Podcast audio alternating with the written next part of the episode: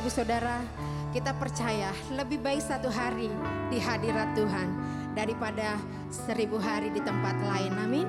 Mari sama-sama kita nikmati hadirat Tuhan di tempat ini Bapak Ibu Saudara. Terima kasih Tuhan.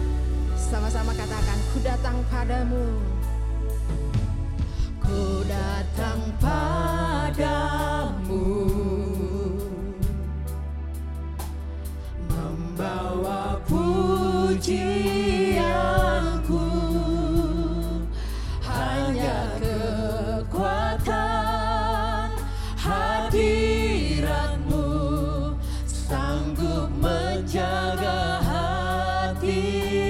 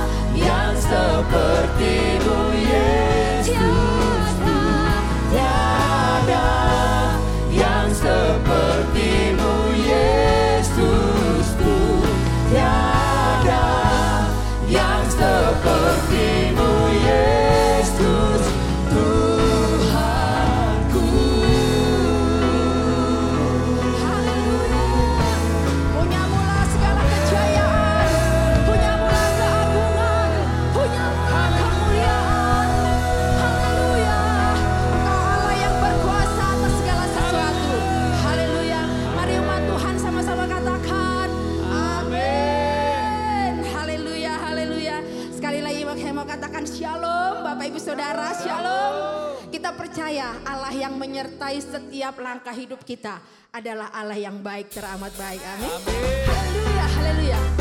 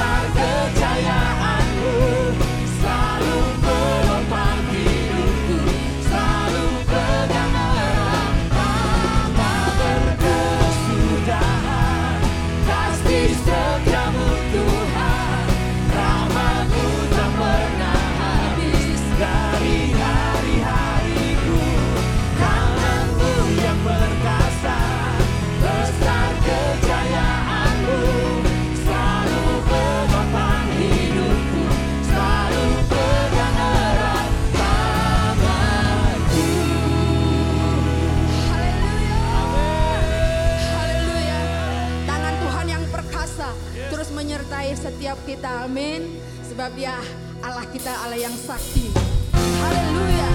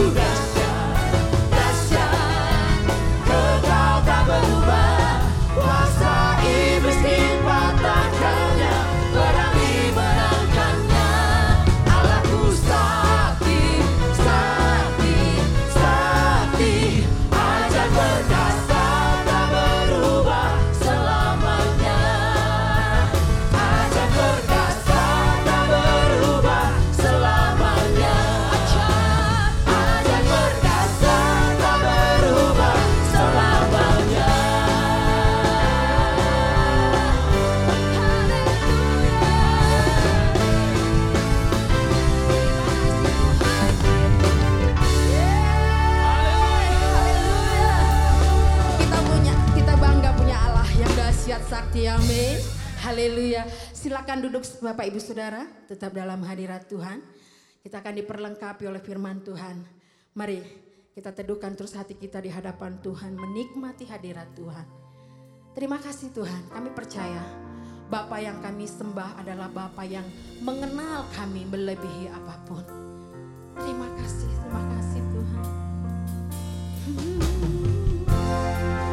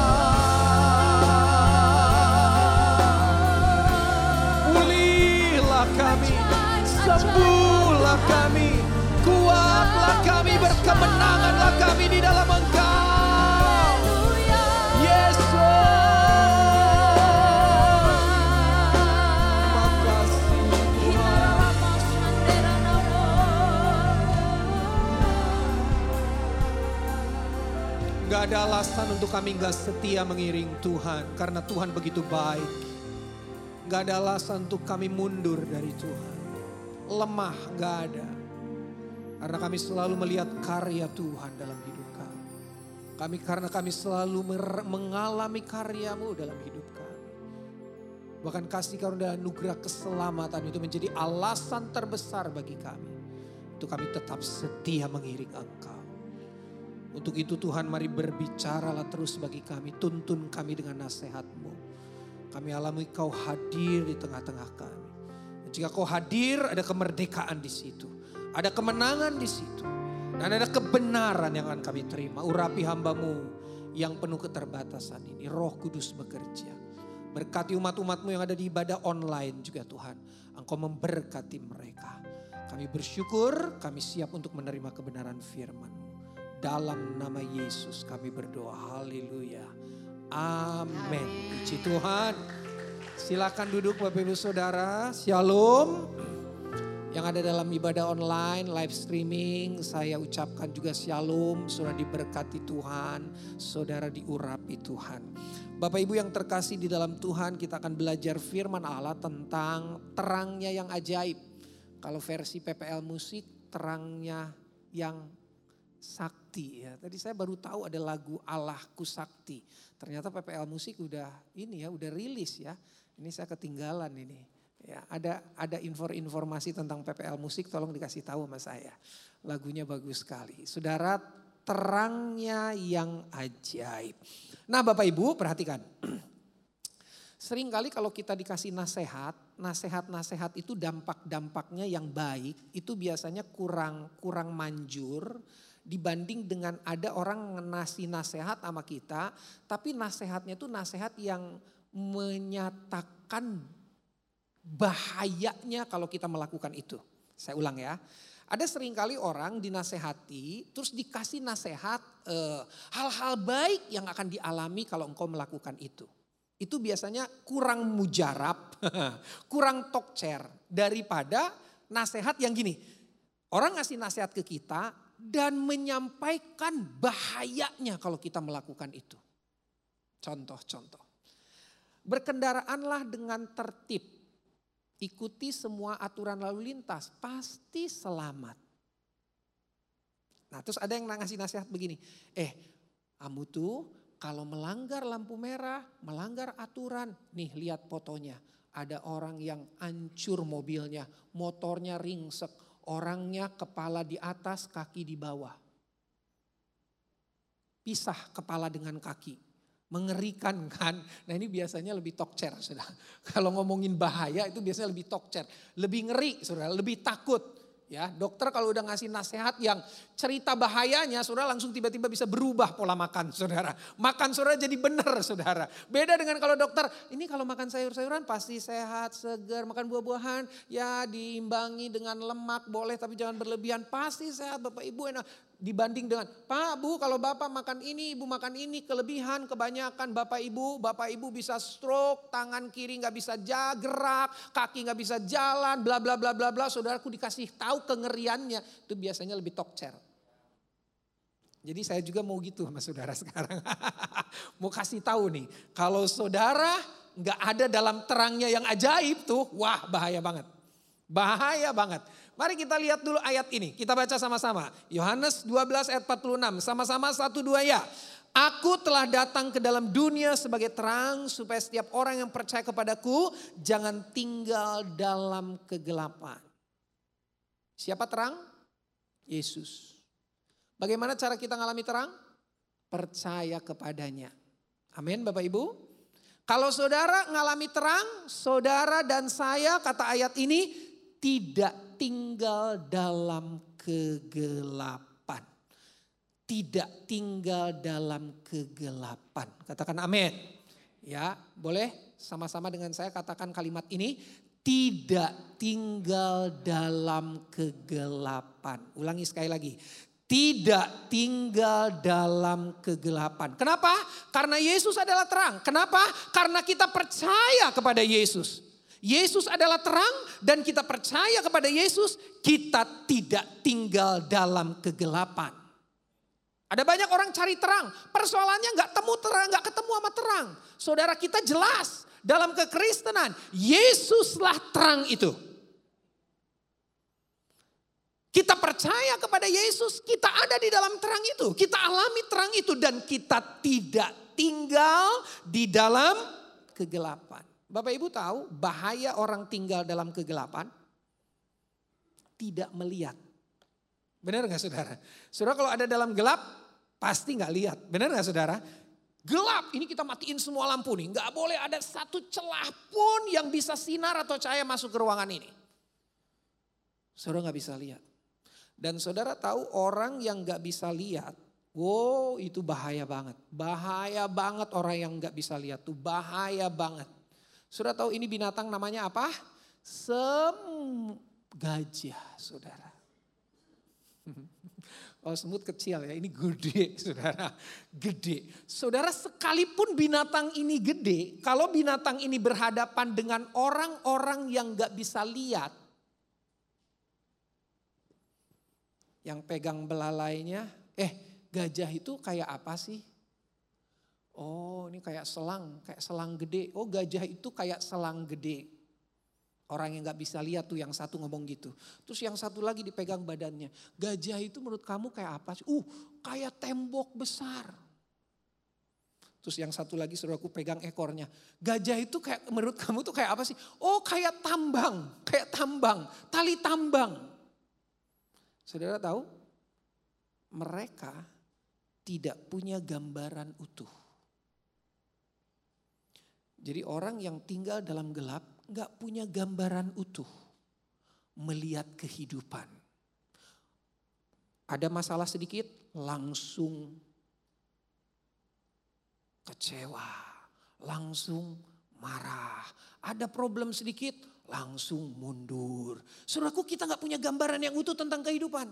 Tahukah saudara bahwa Tuhan kalau jika Tuhan izinkan ada masalah dalam hidup kita, kita percaya bahwa Tuhan akan menyatakan sesuatu dalam hidup kita supaya kita bisa belajar banyak hal tentang hidup ini. Ya, belajar banyak hal tentang hidup ini nggak nggak mesti harus semuanya baik-baik saja.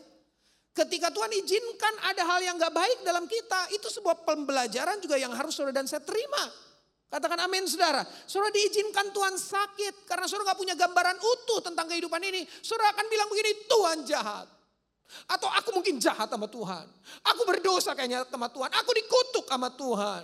Atau Tuhan udah gak peduli lagi sama aku. Dan sebagainya. Saudara ada banyak sekali orang-orang Kristen, anak-anak Tuhan. Yang tumbang dalam iman. Sekali lagi tumbang dalam iman. Karena gak punya gambaran yang utuh tentang kehidupan. Saya lihat wajah-wajah yang ada di depan saya ini, yang online saya nggak bisa lihat ya wajahnya ya. Tapi yang saya lihat nih yang ada di sini nih, ini wajah-wajah yang sudah melalui berbagai-bagai masalah dan persoalan hidup. Dan saudara kemudian hari ini ngerti bahwa itu diizinkan Tuhan baik buat saya. Katakan amin saudara. Aduh Pak Binsar suami saya, suami saya, suami saya. Nah dulu suami saya, sekarang suami saya ternyata. Nah gitu ada ternyatanya saudara ya. Itu ternyata itu sakti saudara. Karena kita sering kali nggak ngerti di awal, tapi setelah kita mau jalani itu, karena kita percaya kita punya gambaran utuh tentang kehidupan, Tuhan bisa bekerja dalam segala sesuatu untuk mendatangkan kebaikan bagi kita, kita tidak akan pernah mundur. Katakan amin sudah.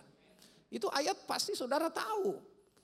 Dalam segala sesuatu Tuhan turut bekerja untuk mendatangkan kebaikan. Saudara tahu itu saudara. Tapi prakteknya sering kali kita miss, sering kali kita salah, sering kali kita gagal.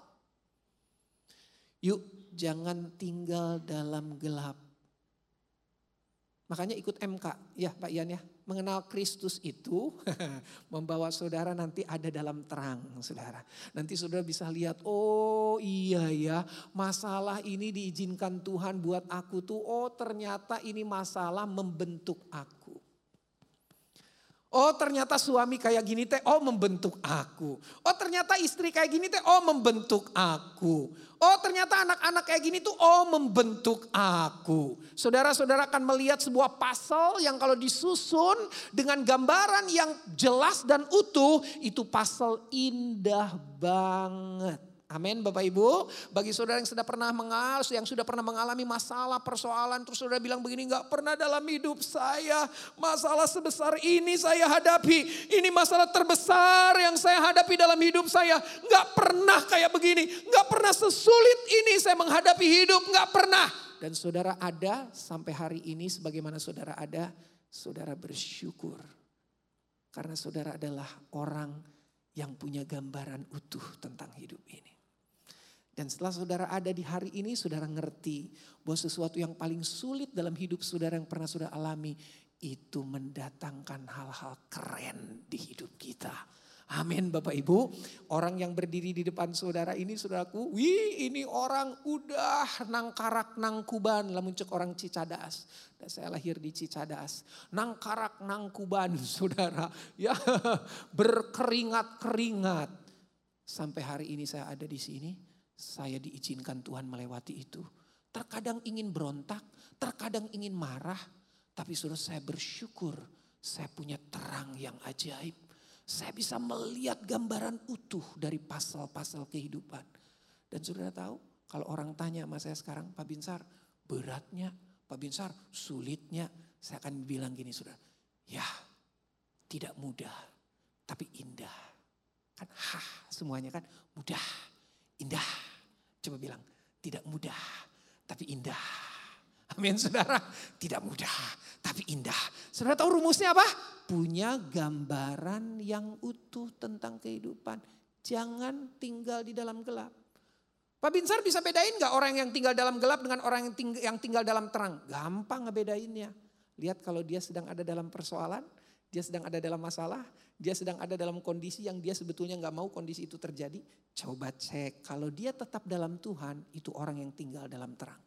Tapi ketika dia tinggalkan Tuhan, nggak mau ibadah lagi, nggak mau peka lagi, nggak mau, nggak mau MK, naon MK, teh nggak mau. Saudara perhatikan baik, itu orang masih tinggal dalam gelap. Coba lihat kiri kanannya colek, kamu masih tinggal dalam gelap enggak gitu. Eh dicolek, jangan lihat saya saudara sebelahnya. Lihat sebelah, eh kamu masih tinggal dalam gelap enggak? Amin Bapak Ibu. Amin Bapak Ibu. Amin. Terus berikutnya apa sih bahaya kita dalam gelap tuh? Apa bahaya kalau kita tinggal dalam gelap saudara? Kita tidak punya visi. Kita nggak punya tujuan hidup, saudara. Hidup hanya kita jalani, ah gini-gini aja lah, nggak apa-apa lah, ya udahlah. Apa tujuanmu hidup ini? Apa visimu kau hidup? Ya saudara yang ada di online, pikirkan. Apa sih tujuan saya ketika saya Tuhan izinkan hidup? Tentu saudara tujuan kita hidup secara umum, secara global, desain mula-mula Allah menciptakan manusia untuk kita mempermuliakan Allah. Untuk kita menyembah Allah, itu visi yang terutama, itu tujuan yang terutama. Dengan apa kita memuliakan Allah? Dengan kita bisa jadi berkat bagi banyak orang. Orang melihat Allah dalam kita, katakan amin saudara. Dengan kita melayani Tuhan, katakan amin saudara. Dengan kita menjadi kesaksian, katakan amin saudara. Dengan itu kita mempermuliakan Allah. Allah. Ketika saudara jadi berkat bagi setiap orang punya latar belakang berbeda mungkin dengan kita, berbeda iman, berbeda golongan sosial, berbeda tingkatan karir dalam pekerjaan, berbeda tingkatan pendidikan.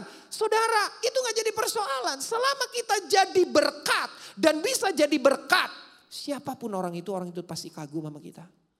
Dan waktu orang itu kagum sama kita, jangan biarkan dia berlama-lama kagum sama kita. Bilang gini, aku punya Tuhan Yesus. Biar dia kagum sama Tuhan kita.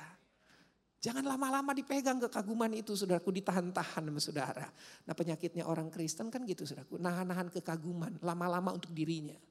Eh langsung lepasin bilang saya punya Tuhan Yesus. Tuhan Yesus lah yang ngajarin saya kayak gini. Saya masih belajar jauh dari sempurna, sangat jauh. Ada satu asisten rumah tangga kami, Tuhan izinkan waktu itu kami ada asisten rumah tangga, saudara. Dia kaget dengan apa yang kami kerjakan untuk dia. Terus dia bilang gini, Pak, Bu, saya nggak ngerti kenapa Bapak dan Ibu lakukan ini untuk saya.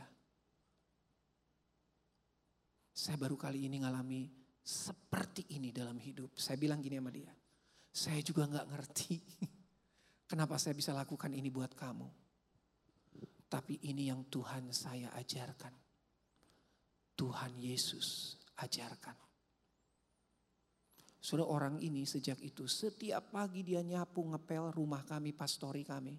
Itu saudaraku dia selalu setel lagu rohani. Dia izin sama saya. Untuk dia setel lagu rohani setiap pagi menemani dia untuk nyapu, ngepel, beresin rumah. Setiap hari. Amin. Amin saudara.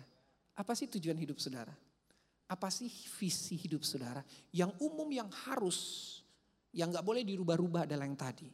Tujuan kita hidup mempermuliakan Tuhan, menyembah Tuhan. Bagaimana caranya supaya kita mempermuliakan Tuhan? Kita jadi berkat bagi sesama kita. Tapi ada tujuan visi-visi hidup yang bertahap. Di keluarga, di pelayanan, di pribadi. Saudara punya itu. Ada yang baru berkeluarga, yuk tujuan kita lima tahun ke depan, sepuluh tahun ke depan, boleh nggak salah. Tapi desain besar tujuan kita hidup nggak boleh kita lupakan. Katakan amin Bapak Ibu. Katakan amin Bapak Ibu. Nggak boleh dilupakan. Nah saudara yang datang sekarang di rumah Tuhan ini, ini yang ngerti tujuan hidup. Saudara memuji Tuhan, menyembah Tuhan, memuliakan Tuhan. Nah yang ada di stage tadi ini juga orang-orang ngerti tujuan hidup saudara. Mereka melayani Tuhan. Amin saudara. Mereka mau jadi berkat buat saudara. Sudah diberkati nggak dengan kehadiran orang-orang yang ada di stage tadi? Wah saya sangat diberkati saudara. Saya ada di hadirat Tuhan. Saudara alami nggak tadi ada di hadirat Tuhan? Atau saudara ngahulang? Atau saudara mikirkan yang lain, raga saudara ada di fisik, saudara ada di sini, tapi jiwa saudara entah ada di mana, pikiran saudara entah ada di mana. Saudara alami hadirat Tuhan tadi? Amin saudara. Oh itu memuaskan saudaraku, itu menyembuhkan, itu memulihkan. Katakan amin saudara. Healing, healing, healing. Boleh mau healing saudaraku. Tapi the real healing di hadirat Tuhan. Katakan amin saudara. Healing, healing, healing. Boleh nggak salah. Tapi ada healing, healing, healing, healing, healing. Beak duit, healing, healing. Jadi ngamuk deh. Jadi emosi deh. Dan duit kes beak. Liar neangan duit deh kumaha saudara. Apalagi main gesek sana, gesek sini tagihan. Membludak bulan depan. Marah-marah padahal healing. Jeng pasangan tadinya untuk bahagia. Tapi ternyata nggak mendatangkan kebahagiaan. Healing itu di hadirat Tuhan. Mulai sekarang nggak boleh ngomong healing-healing lagi kalau sudah pergi ke mana-mana ya. Bilang jalan-jalan gitu aja. Rekreasi sudah. Sudah nggak dapat healing di sana. sudah dapat healing di hadirat Tuhan. Nah, kadang-kadang gitu Pak, itu istilah ibu-ibu sebenarnya ya teh. Tuh ibu-ibu melotot ke sayanya. Kan wanita itu kan berjalan dengan perasaannya. Jadi kalau diajak jalan-jalan tuh aduh serasa sembuh gitu loh. serasa pulih itu saudara ya. Ya oke lah healing dalam huruf kecil semualah boleh lah. Atau healing tanda petik lah saudara. Tapi healing yang sesungguhnya ada di hadirat Loh kita tadi present worship gak lama loh. Saya hitung 40 menit saudara. Tapi 40 menit itu saudara tadi kalau sudah sungguh-sungguh alami hadirat Tuhan. Ih, itu dahsyat banget. Itu jadi bahan bakar kita untuk menjalani hidup kita ke depan dalam beberapa hari, beberapa minggu. Bayangkan kalau saudara every time in his presence. Every days in his presence. Saudara ada di setiap waktu saudara di hadirat Tuhan itu powerful. Makanya ada wajah-wajah yang selalu bersuka cita, wajah-wajah yang cerah, wajah-wajah yang terang. Saya kalau lihat wajahnya Pak Yante, aduh sepertinya Pak Yante tekolot-kolot gitu we terus. Nyatu udah di Tuhan saudara. Saya kalau lihat wajahnya si Harte, aduh wajahnya si Harte, aduh meni, gitu terus tekolot-kolot gitu. Penganten anyar, ya 30 tahun kawin sih gak penganten anyar kene. Saudara wajahnya teh aduh meni seger, cerah gitu saudara. Rajin makan sayur ya enggak, rajin makan buah ya enggak. Oh naon atau resep nak hadirat Tuhan. Tapi jangan lupa makan sayur, makan buah. Haleluya. Nah, rajin makan sayur, makan buah, pola makan sehat. Tapi jiwa nggak terkontrol. Emosi nggak bisa dikontrol, saudara khawatir terus, susah terus. Lihat orang maju iri, lihat orang sukses nggak suka, saudaraku yang terkasih dalam Tuhan. Lihat orang jatuh pura-pura, ikut nangis, pura-pura itu saudara. Padahal di hati nama syukur sih maneh Ayo punya tujuan hidup yang jelas, punya visi yang jelas. Ini yang lebih ngeri, saudara. Kalau orang ada dalam kegelapan tuh kan gak bisa lihat tuh. Terus kalau orang gak bisa lihat tuh pasti gak bisa bergerak. Atau mungkin bergerak tapi pergerakannya kacau. Tersesat saudara. Nubruk sana, nubruk sini. Coba kita matiin ini semua lampu, coba nanti ya, coba ya saudara di rumah ya, coba ya nanti ya di rumah ya. Gak boleh ada satu celah pun cahaya masuk ke ruangan itu. Saudara mau bergerak, bisa. Tapi saudara akan nabrak meja, ya kan? Saudara akan nabrak kursi, ya kan saudara? Kalau di situ ada pot, pot bunga tuh dari gelas, dari bahan-bahan pecah belah, itu saudaraku nabrak itu kemudian jatuh dan pecah. Punya guci di rumah, nabrak guci-guci jatuh dan pecah. Orang yang ada dalam gelap nggak bisa gerak. Kalaupun dia gerak pasti kacau pergerakannya. Tersesat saudara. Pergerakannya nggak jelas. Nabrak sana, nabrak sini saudara. Dan akhirnya apa yang terjadi saudaraku yang terkasih di dalam Tuhan. Ada konflik, ada luka, ada kecewa. Dan akhirnya kehancuran hidup. Karena orang ini interaksi dengan siapa pun pasti saudaraku konflik tabrakan terus saudara. Orang ini Berinteraksi dengan komunitas yang mana pun orang ini pasti tabrakan terus. Yang paling ngeri saudara, yang paling ngeri. Dia harus berhubungan dengan pasangannya kan. Dia harus berinteraksi dengan pasangannya. Bayangkan saudaraku, dia berinteraksi dengan tabrakan terus. Dia berinteraksi dengan konflik terus meninggalkan luka, akhirnya kecewa, hancur. Bayangkan saudara ada seorang suami yang tinggal dalam gelap, dia nggak bisa melihat dan dia punya istri, dia punya anak, dia harus bergerak. Tapi karena dia dalam gelap, dia bergerak tapi pergerakannya kacau saudara. Bayangkan ada seorang istri masih tinggal dalam gelap, dia harus bergerak, tapi dia terus nabrak-nabrak. Dia konflik terus dengan suaminya. Dia konflik terus dengan eh, anak-anaknya. Dia luka, dia kemudian kecewa dan kemudian hancur. Pernah, pernah ketemu orang kayak gini saudara? Coba lihat kiri kanannya. Kamu gitu nggak gitu? Coba tanya saudara. Coba tanya saudara. Kamu gitu nggak? Kamu gitu nggak? Eh, jangan-jangan saya pernah jangan-jangan saya nanya, pernah saudara ketemu dengan orang itu ternyata itu adalah saudara sendiri. Dijauhkan Tuhan. Katakan amin saudara. Dijauhkan Tuhan. Orang tuh selalu bilang gini sama orang tipe begini nih. Ya memang si itu mah. Memang si itu mah. Memang si ibu itu mah. Memang si bapak itu mah. Kita kudu maklum. Kita kudu maklum. Memang si bro itu mah. Memang si ses itu mah. Kita kudu maklum. Kita, kenapa gitu kudu maklum? Ya memang gitu. Liar.com. Jelamana liar.com. Dijauhkan Tuhan dari hidup kita kayak begini. Katakan amin saudara. Amin saudara. Saudara tahu ini tokoh ini? Ini bukan kisah nyata, tapi ini tokoh dalam film, namanya Joker. Saudara saya simpulkan hidup Joker ini. Saya simpulkan ya. Ini Joker ini merespon kehidupan dengan cara menghancurkan dirinya. Kenapa? Karena pergerakannya kacau. Bergerak tapi kacau. Bergerak tapi tersesat. Mengenal Kristus, ini saya nggak bisik-bisik dengan Pak Ian, nggak bisik-bisik saya dari tadi nggak bisik-bisik, apalagi berkaitan MK.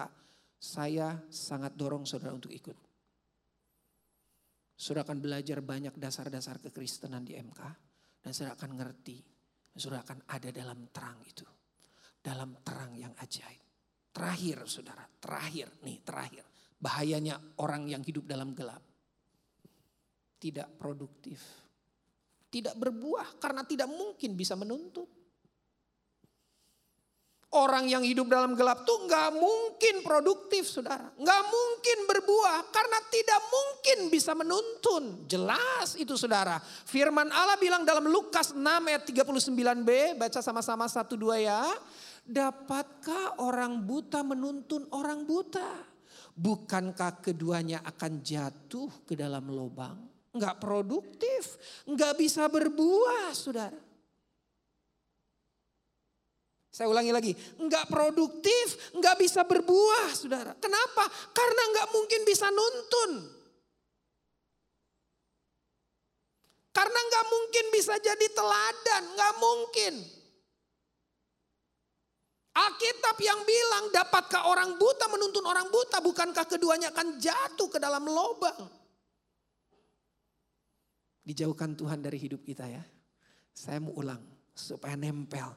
Apa saudaraku bahaya, bahaya hidup dalam gelap? Tidak melihat. Itu bahaya hidup dalam gelap. Kalau tidak melihat, ini yang akan terjadi. Nggak punya gambaran utuh tentang kehidupan. Yang kedua, nggak punya visi, nggak punya tujuan jelas dalam hidup. Clear ya? Yang ketiga apa saudara? Tidak bisa bergerak. Kalaupun bergerak, kacau. Tersesat. Dan yang keempat, terakhir. Bahaya dalam gelap itu tidak melihat.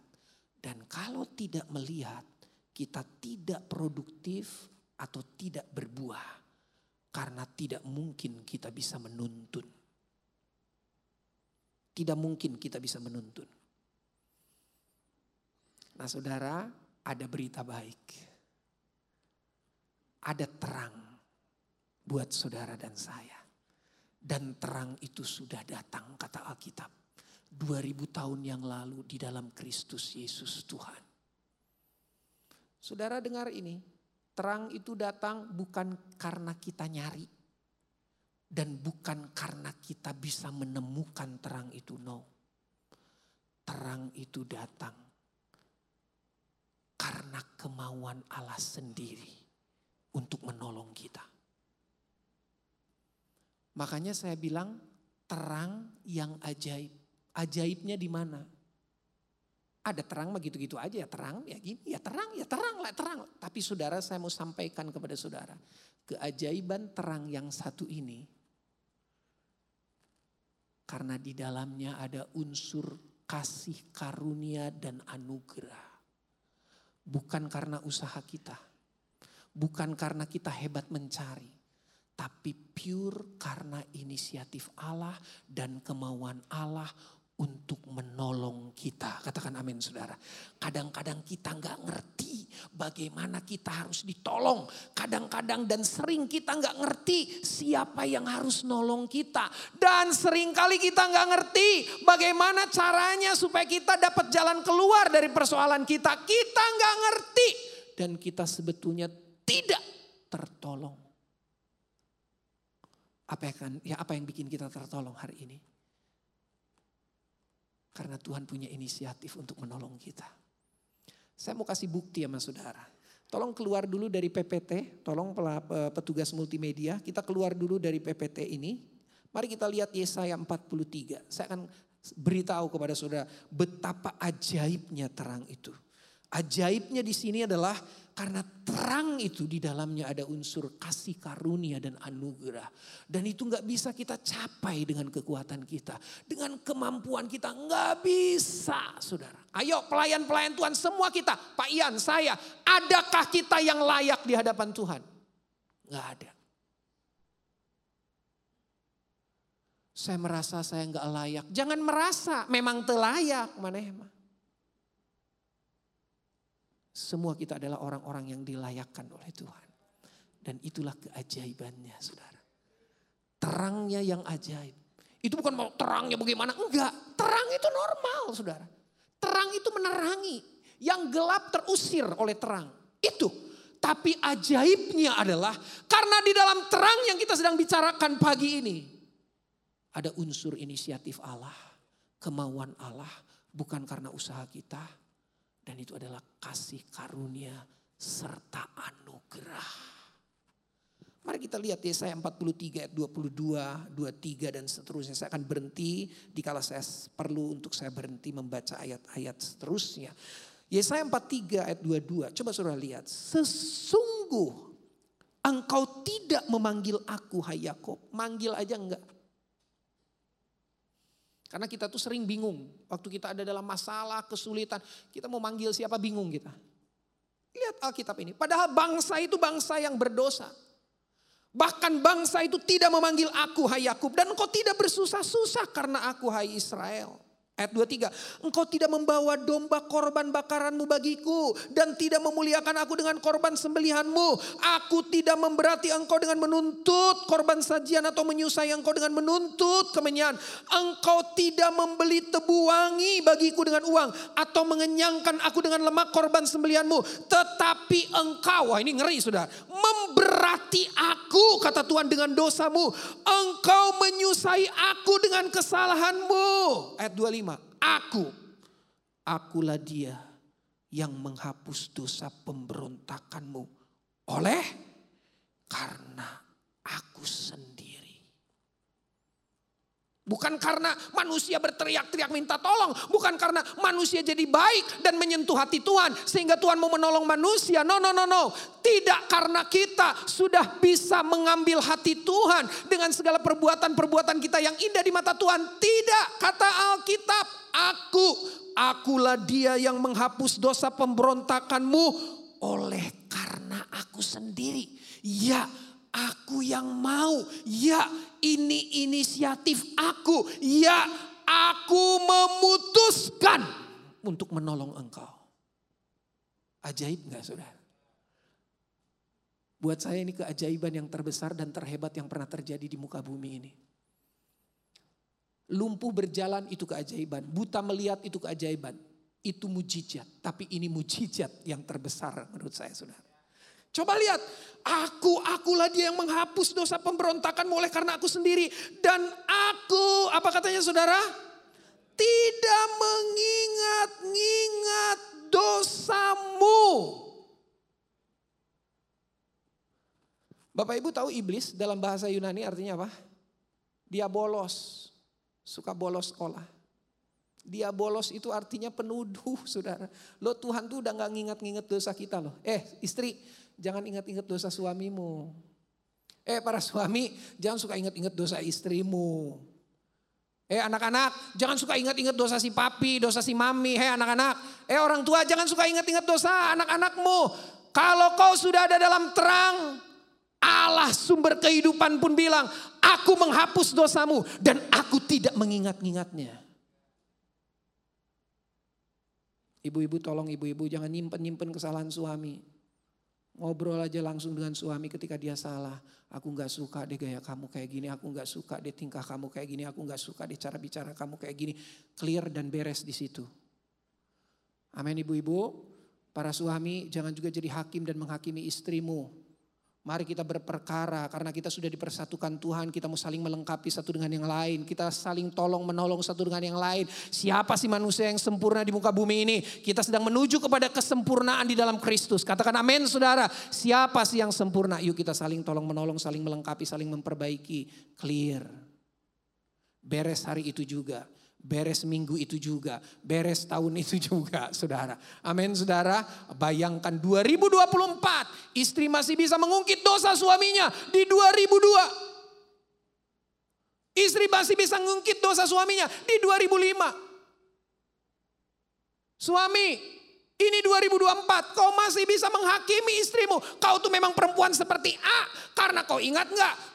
Natal 15 tahun yang lalu. Waduh ingat pisah Natal teh ingat dosa saudaraku. Lain Natal teh ingat diampuni dosa. Lain Natal teh ingat dosa saudara. Natal 15 tahun lalu engkau adalah wanita yang sangat-sangat tidak menjadi penolong buat suaminya. Memang engkau begitu hai para suami. Allah memutuskan untuk tidak mengingat-ingat dosa kita. Pertanyaannya, saudara tuh sudah ada dalam terang atau belum? Kalau saudara sudah ada dalam terang, saudara tidak akan pernah mengingat-ingat dosa pasangan saudara, anak saudara, orang lain. Bahkan saudara tidak akan pernah mengingat-ingat dosa yang sudah pernah lakukan. Karena udah gak kelihatan, udah ada terang, udah hilang gelap itu. Amin. Kembalikan ke PowerPoint. Nah baru sekarang saya akan ceritakan indahnya hidup dalam terang. Nah ini indahnya hidup dalam terang. Saudara, ketika kita ada dalam terang yang ajaib, ini yang akan terjadi. Ini powerful. Kita melihat. Kalau tadi tidak melihat kalau ada dalam gelap. Sekarang melihat. Nah kalau orang melihat, dia pasti bisa bergerak. Bergerak ke mana? Ke arah yang benar, saudara. Bergeraknya nggak kacau, saudara. Bergeraknya nggak tersesat. Bergeraknya ke arah yang benar. Terus apa saudara? Dia bisa produktif. Artinya apa? Dia bisa menuntun. Oke. Dia bisa menuntun. Dia bisa berbuah. Dia bisa membawa jiwa-jiwa kepada terangnya yang ajaib. Amin. Kalau kita alami terang itu, kita pasti melihat. Dan kalau orang melihat, dia pasti bergerak. Bergerak ke arah yang benar. Dia pasti produktif, dia pasti berbuah. Kenapa? Karena dia mampu menuntun. Persoalannya kan sering kali kita ini nggak ngerti kita harus nuntunnya kayak apa ya. Tapi ketika sudah sudah ada dalam terang, sudah bisa jadi orang yang bergerak ke arah yang benar, dan saudara bisa jadi orang yang produktif sebab saudara berbuah ketika saudara bisa menuntun orang kepada kebenaran. Yuk alami terang yang ajaib itu. Alami terang yang ajaib. Sudah tahu orang yang alami terang yang ajaib itu pasti, pasti dia menjadi berkat. Pasti dia menjadi kesaksian. Pasti. Orang yang alami terang yang ajaib itu pasti dia akan menjadi kesaksian. Hidupnya menjadi kesaksian. Bapak Ibu, tema kesaksian kita apa? Kuasa kesaksian kita apa? Kekuatan kesaksian kita apa? Yang pertama, tema kesaksian kita adalah Yesus Kristus. Selalu tentang Yesus Kristus. Bukan tentang kita, bukan tentang gereja kita, bukan tentang komunitas kita. Tapi tentang Yesus Kristus. Bukan tentang pendeta kita, bukan tentang pembicara kita. Bukan tentang orang-orang yang saudara anggap hebat. Tapi tema kesaksian kita selalu Yesus Kristus. Terus apa kuasa kesaksian kita? Bukan kepintaran kita, bukan pencapaian kita, bukan titel kita, bukan jabatan kita, bukan berkat-berkat yang kita terima. Saudara kuasa kesaksian kita hanya satu yaitu roh kudus. Katakan amin saudara. Dan kekuatan kesaksiannya adalah cara hidup kita hari ini cara kita menjalani hidup kita hari ini. Temanya Tuhan Yesus Kristus kapan dia hidup 2000 tahun lalu lama banget. Cerita 2000 tahun lalu, kehidupan 2000 tahun lalu. Kita akan manifestasikan di kehidupan kita sekarang. Dan itu akan menjadi kekuatan kesaksian kita. Menghadirkan kehidupan Yesus 2000 tahun lalu di hari ini. Selamat menikmati terangnya yang ajaib. Dan saya percaya saudara akan menjadi orang-orang yang bergerak ke arah yang benar. Dan menuntun orang banyak untuk berbuah. Jangan pernah lagi tinggal dalam gelap. Karena terang yang ajaib itu sudah ada dalam kita. Percaya kepada Yesus. Mari kita datang kepada Tuhan. Tuhan kau hidup. Terima kasih Yesus. Kekuatan di hidupku. Ku dapat dalam Yesus. Dia, tak pernah tinggalkanku setia Ci Tuhan terangnya yang ajaib itu saudara alami setiap saat dalam Yesus. Dia terang yang ajaib, bilang ajaib kau Tuhan, ajaib kau Tuhan.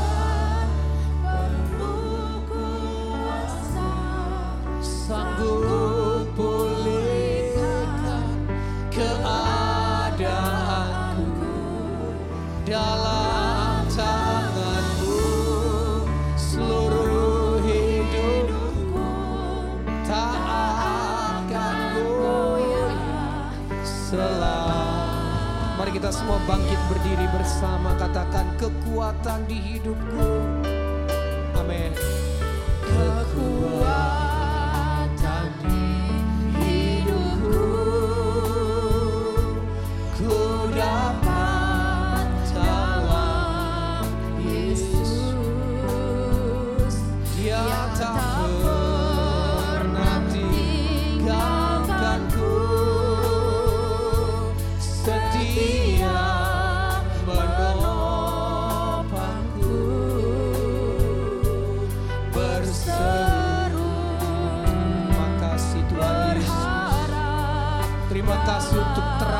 Terang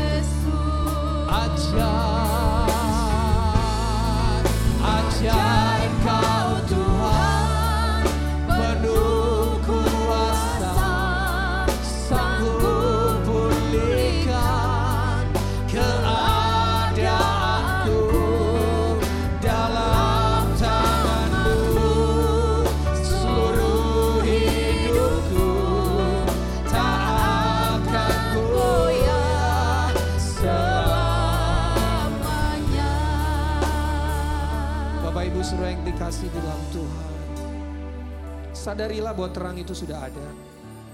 Hiduplah dalam terang yang ajaib itu.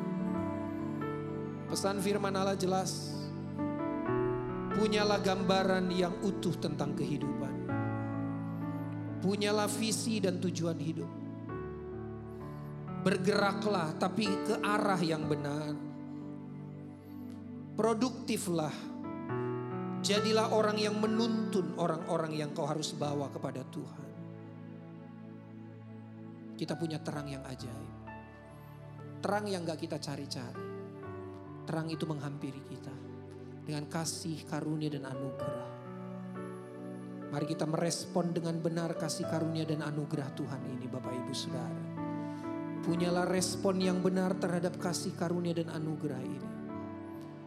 Kita melakukan kebenaran bukan supaya kita masuk surga, bukan.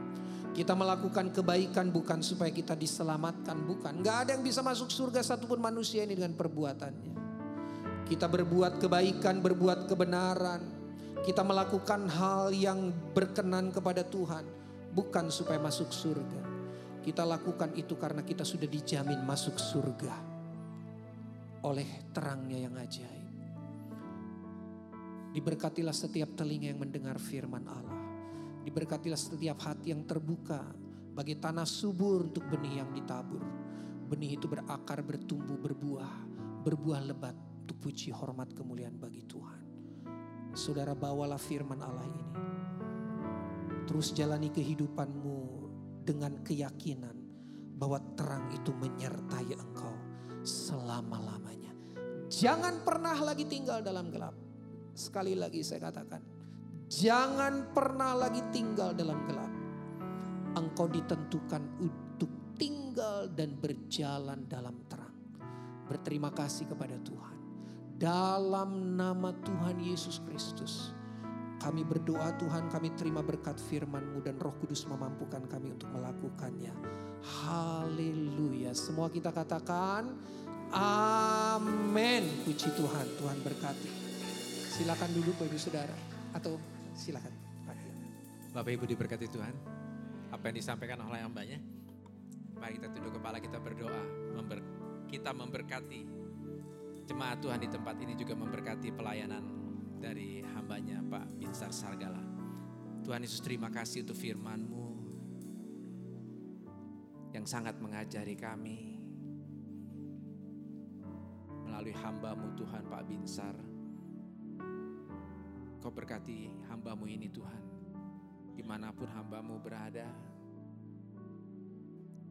Ada kuasa Tuhan yang bergerak, bekerja dalam hambamu.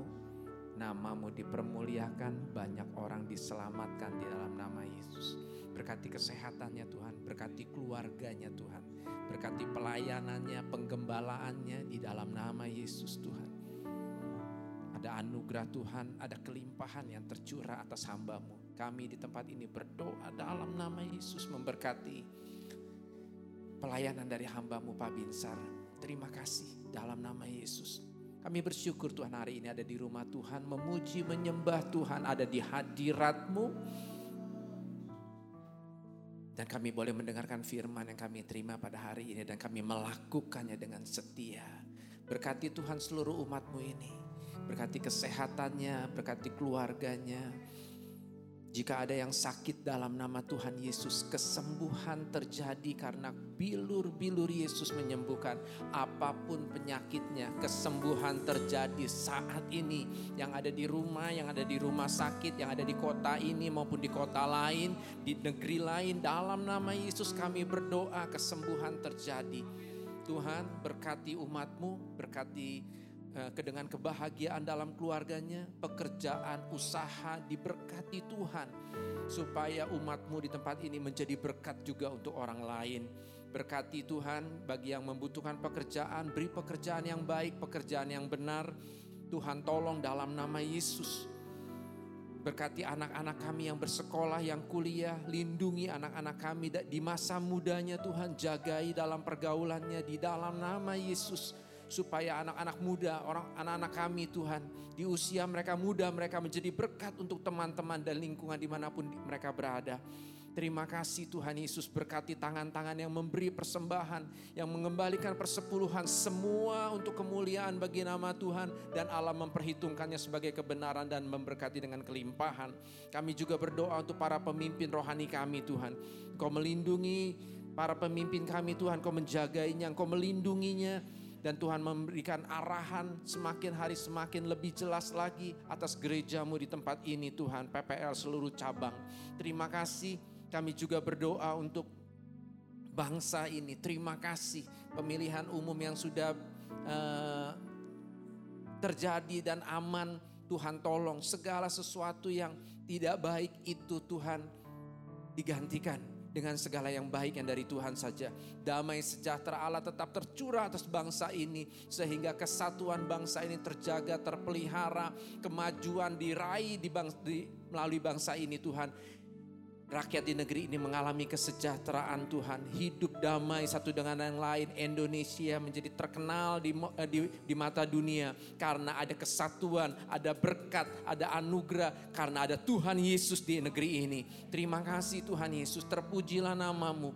Kami juga berdoa untuk presiden, wakil presiden, seluruh pemerintahan yang masih ada yang menjabat sampai akhirnya nanti Tuhan, Engkau yang melindungi, Engkau yang menjagai. Tuhan tolong supaya berkat atas tanah di negeri ini Tuhan digunakan untuk kemakmuran, untuk kesejahteraan rakyat yang ada, untuk kemajuan bangsa sehingga bangsa ini menjadi berkat juga untuk bangsa-bangsa lain. Penghitungan suara yang masih terus berlangsung Tuhan berkati hasil yang dari Tuhan saja yang Tuhan tetapkan yang terjadi di negeri ini.